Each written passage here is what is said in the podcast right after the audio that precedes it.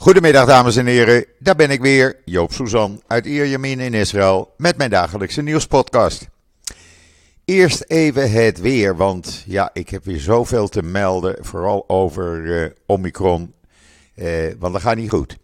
Maar eerst even het weer. Nou, het is nog steeds lekker weer, 18 graden, uh, blauwe lucht, zonnetje. Alhoewel vanmorgen het was koud, tenminste voor ons.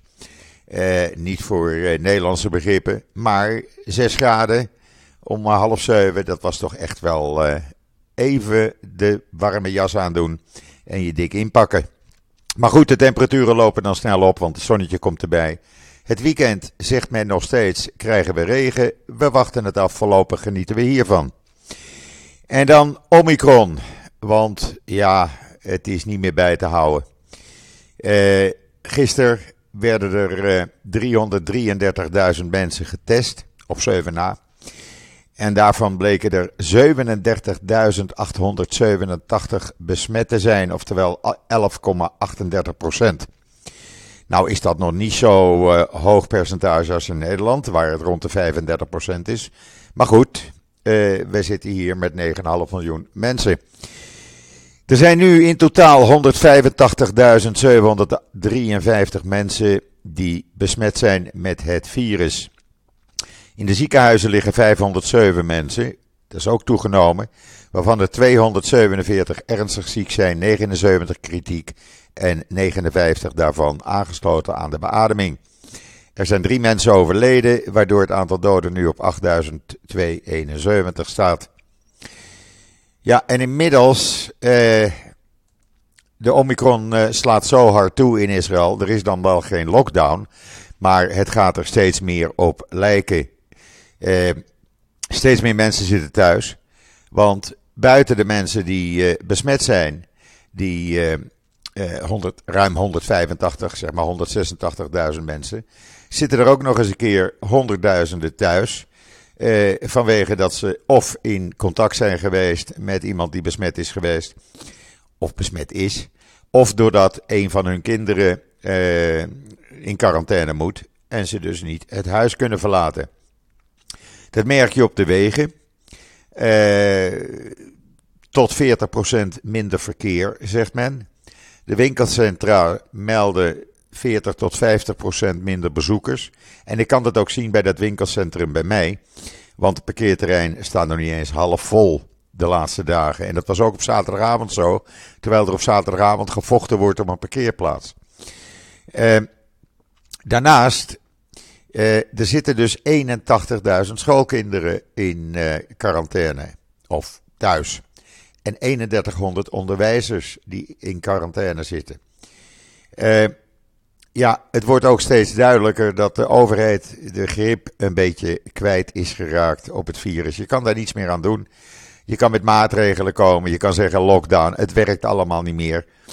Uh, veel mensen durven ook hun huis niet meer uit, bang om besmet te worden en bestellen uh, alles online bij de supermarkt.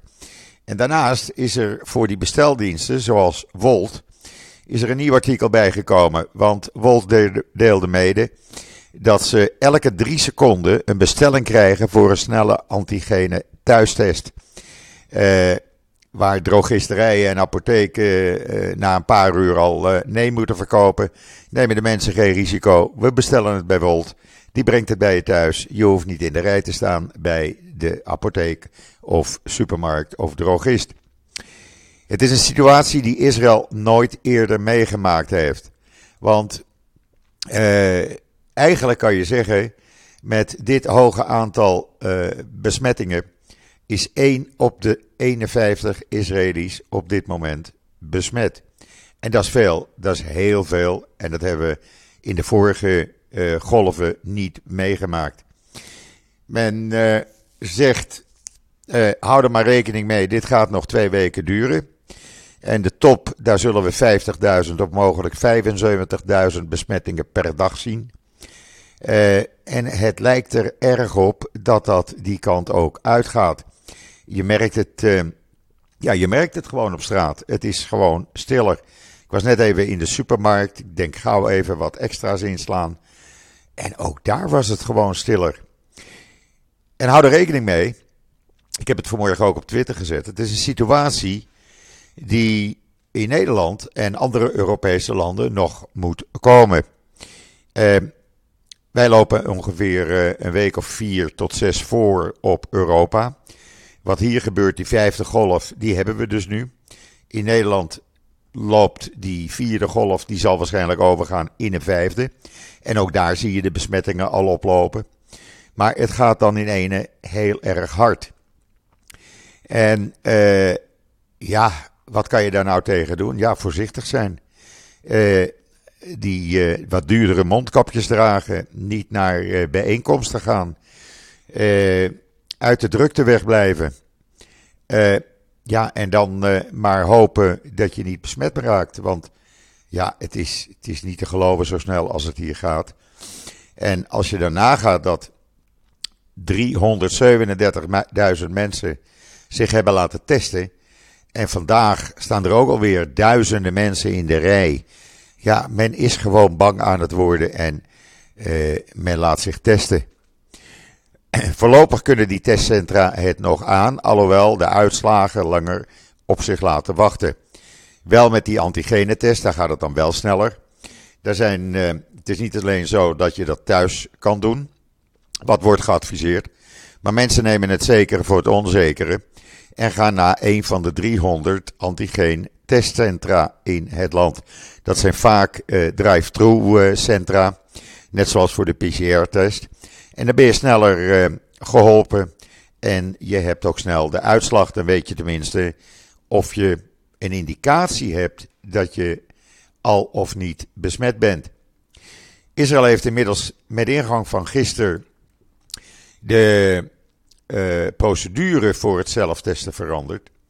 Want waar staat dat uh, in de gebruiksaanwijzing bij die antigenetest dat je dat gewoon met een wattenstaafje in je neus of je keel kan doen, zegt uh, men in Israël nu nee, dat kan niet meer. Je moet het zowel in je keel als vanuit je neus afnemen. dat geeft wat meer zekerheid. Dat druist wel in tegen het advies van de Amerikaanse FDA. Maar eh, men zegt, eh, ja, je kan maar beter het dubbele eh, antigenetest doen. Dan heb je ook wat meer zekerheid. En Israël zet ook in op meer antigenetesten. Omdat, ja, uh, die PCR-testcentra, die worden gewoon overbelast. En dat kan gewoon niet meer. In Amerika trouwens, 1,35 miljoen mensen gisteren in één dag besmet geraakt. En dat is een wereldrecord. Dus het kan altijd nog meer zijn.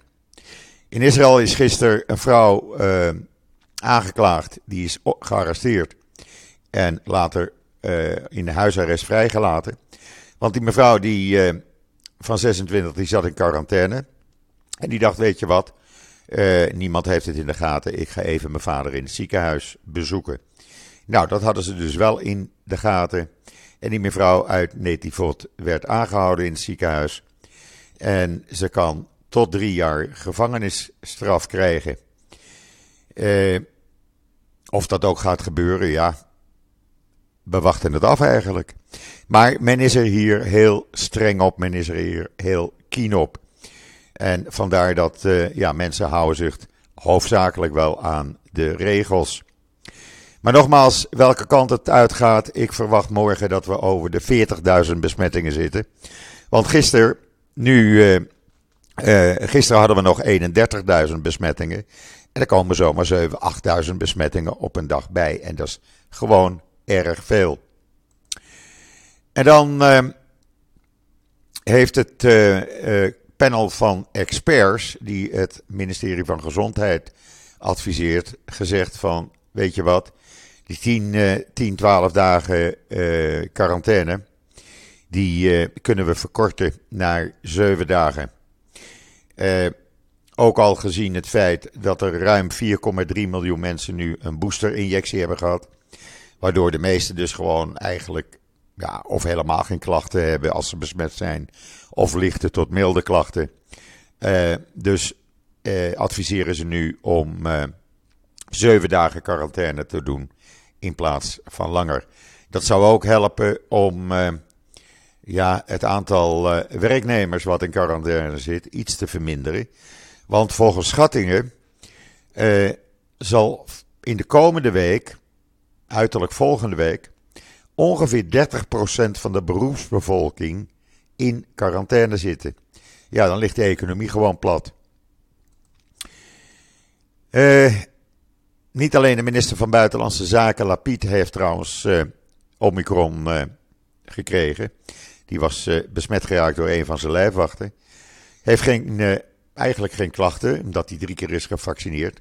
Maar ook bij de IDF slaat het toe. Er zijn twee topgeneraals die besmet zijn met Omicron. En er zitten ruim 5100 soldaten in quarantaine. En dat zal voorlopig maar blijven stijgen. Uh, men is nu naar uh, andere maatregelen, uh, heeft men nu ingezet bij de ADF. minder reizen, minder door elkaar lopen, ja, een beetje quarantaineregels aanhouden om het aantal besmettingen even in de hand te houden. Maar ja, het zal een moeilijke klus worden. En dan was de commandant, commandant van het Centraal Commando van de Amerikaanse marine voor de derde keer in Israël op visite. Hij heeft gesproken met alle hoge officieren en ze hebben weer wat afspraken gemaakt onderling. En dan eh, een artikel op israelnieuws.nl. Autisme kan al in het eerste jaar van eh, na de geboorte van een baby worden eh, vastgesteld. Dat zijn onderzoeken hier, die hier zijn gedaan door de Bar-Ilan Universiteit in samenwerking met de Weisfield eh, School of Social Work in Amerika. En uh, ja, men heeft dus ontdekt dat bij 89% van de zuigelingen symptomen konden worden voorgenomen, waargenomen vanaf de leeftijd al van 4 tot 6 maanden. En ja, hoe, uh, hoe eerder je het ontdekt, hoe sneller je er iets aan kan doen. Symptomen waren onder meer gebrek aan oogcontact, uh, geen reactie op de stem, uh, overmatige passiviteit of overmatige activiteit. Lees het artikel op Israël Nieuws. En dan een hele interessante column van Bas Belder over de BDS. Uh, geen Joodse staat op het enige stukje Palestina wat er nog is. Lees het even, het is een heel uitgebreid verhaal. En zoals gebruikelijk uh, heeft Bas zijn best weer gedaan. Ja, en uh, u weet natuurlijk, ik heb daarover geschreven een aantal keren. over het feit dat het Nederlandse ministerie van Buitenlandse Zaken de financiering aan de UAWC, de Palestijnse, een zogenaamde Palestijnse humanitaire organisatie met banden met de Bevrijdingsfront voor de bevrijding van Palestina. Uh, die financiering is stopgezet. Daarnaast houdt het ministerie nog wat geheim en daar willen we ook openheid over. Maar inmiddels gaan Kamerleden daar uh, mee aan de slag. Maar de Palestijnse leiders zijn zo kwaad dat die groepering geen geld meer kreeg. Die heeft de Nederlandse vertegenwoordiger sorry, in de Palestijnse gebieden op het matje geroepen om uh, bezwaar te maken tegen dat besluit van Nederland. Uh, in een verklaring zeiden de Palestijnse leiders dat het onrechtvaardige en bevooroordeelde besluit om de financiering van de UAWC stop te zetten uh, is ongehoord en men accepteert het niet. u weet dat de UAWC is een van die zes uh, zogenaamde humanitaire groepen, die in oktober door Israël op uh, de terreurlijst zijn gezet vanwege hun banden met terreurgroepen, waaronder uh, Volksfront voor de bevrijding van Palestina. men, ja, men is gewoon over de rode, de Palestijnse leiders. Men verwerpt het besluit en men eist van Nederland dat Nederland op het besluit zo snel mogelijk terugkomt zo niet, dan worden er maatregelen getroffen. Nou, ik ben benieuwd. We wachten dat af. Uh, ja, het toont ook aan, naar mijn idee, dat dat geld, dat is niet alleen voor humanitaire uh, organisaties. Geloof me maar, uh, anders had de Nederlandse overheid, of het Nederlandse ministerie van Buitenlandse Zaken, het hele rapport openbaar gemaakt. En men doet dat niet, omdat dat schade zou uh, geven aan andere organisaties. Nou, in Israël is het heel duidelijk. Men zegt die zes organisaties, zogenaamde humanitaire organisaties, die hebben banden met terreurgroepen. Hoe dan? Heel simpel. Veel mensen binnen die organisaties hebben functies zowel bij die humanitaire groepen als ook bij die terreurgroepen. En dan kan je wel zeggen, ja, nou wat maakt dat uit? Nou, dat maakt een heleboel uit. Eh, want hoe kan je bewijzen dat er geen Nederlands belastinggeld naar terreur gaat? Dit wordt dus een woordvervolgd verhaal. Ja, en dan zit de kans er weer in dat we binnenkort weer rellen krijgen in Sheikh Jarrah, die uh, wijk in Oost-Jeruzalem. Nu uh, elf Palestijnen uh, ongelijk hebben gekregen van de rechtbank. En ook hun huizen, waar ze geen huur betaalden, moeten verlaten. Omdat ja, die blijken op papier eigendom van Joden te zijn of Joodse organisaties. Het zal dus wel weer rellen worden en het zal dus ook weer zo zijn dat in Nederland en andere landen men weer de straat op gaat om zich voor die Palestijnen in te zetten. Joodse organisaties in New York die zijn inzamelingsacties begonnen voor de slachtoffers en de overlevenden van die grote brand in dat appartementengebouw in de Bronx. Daar uh, woonden veel uh, mensen afkomstig uit Afrika. Die werden daar, uh, ja, die woonden daar bij elkaar. En men is nu bezig om geld in te zamelen, voedsel in te zamelen, kleding, meubels en alles in te zamelen. En men is daar nu al mee begonnen. En dan de EU is weer eens kwaad. En nu niet op Israël, maar op het Simon Wiesenthal Centrum. Die heeft de jaarlijkse antisemitisme-lijst uitgebracht. En men is kwaad dat daar bijvoorbeeld uh, uh, Europese landen op staan, zoals Duitsland. Omdat men vindt bij het Wiesenthal Center dat Duitsland te weinig doet tegen het onderdrukken van antisemitisme en geweld tegen Joden. Natuurlijk staan daar ook uh, Hamas en Palestijnse groeperingen op. de BBC staat er ook op. En dat vindt de EU, EU ook niet fijn. Want men zegt, de BBC is een omroep. Ja, maar de BBC heeft zich de laatste tijd erg van zijn anti-Joodse kant laten zien. Eh, wat betreft Duitsland zegt het Simon Wiesenthal Centrum dat het er niet in is geslaagd antisemitische aanvallen van extreemrechts of islamisten tegen te gaan. Uh, er waren verleden jaar, of in 2019, ruim 2000 antisemitische incidenten. En dat blijft maar stijgen. Uh, ja, en de EU die vindt dat Europese landen daar niet op hoeven te staan. Ja, wat de EU vindt, ach, ik heb daar weinig mee aan. En dan een, eh, een Belg die in Rishon LeZion woont. Die stuurde een paar maanden geleden een brief naar familie in, met een pakketje in uh, België. En hij kreeg hem van de week terug, per keer in de post. En er stond een hakenkruis op getekend en fuck Joden. De Belgische Post heeft nu gezegd: wij gaan een onderzoek starten. Wij gaan kijken wie dit gedaan heeft. Over antisemitisme en jodenhaat gesproken. Ik heb het op mijn uh, Twitter timeline trouwens gezet. En dan het succes van uh, Stiesel. Ja, we weten het allemaal. Nou, dat is uh, ook hier in Israël natuurlijk ja, heel duidelijk is men daar trots op. En Israëlische filmmakers die zijn nu begonnen voor de Israëlische televisie twee andere series te maken waar ultra-orthodoxen een hoofdrol in hebben. Die films of die series worden gemaakt en die zullen dan binnenkort ook wel op Netflix of Amazon of waar dan ook te zien zijn. En dan ja, de Libanezen, het is, een, het is een chaos in dat land. En steeds meer Libanezen proberen te ontsnappen aan de economische crisis. En laten zich via levensgevaarlijke routes smokkelen naar Europa, ook naar Nederland. Er zijn er inmiddels ruim 1500 die dat gedaan hebben. En er wordt goed geld mee verdiend door die smokkelaars. En men wil gewoon het land uit. Eh, er is geen stroom. Hezbollah is de baas. Je kan niet meer doen wat je wil. De regering heeft weinig te zeggen.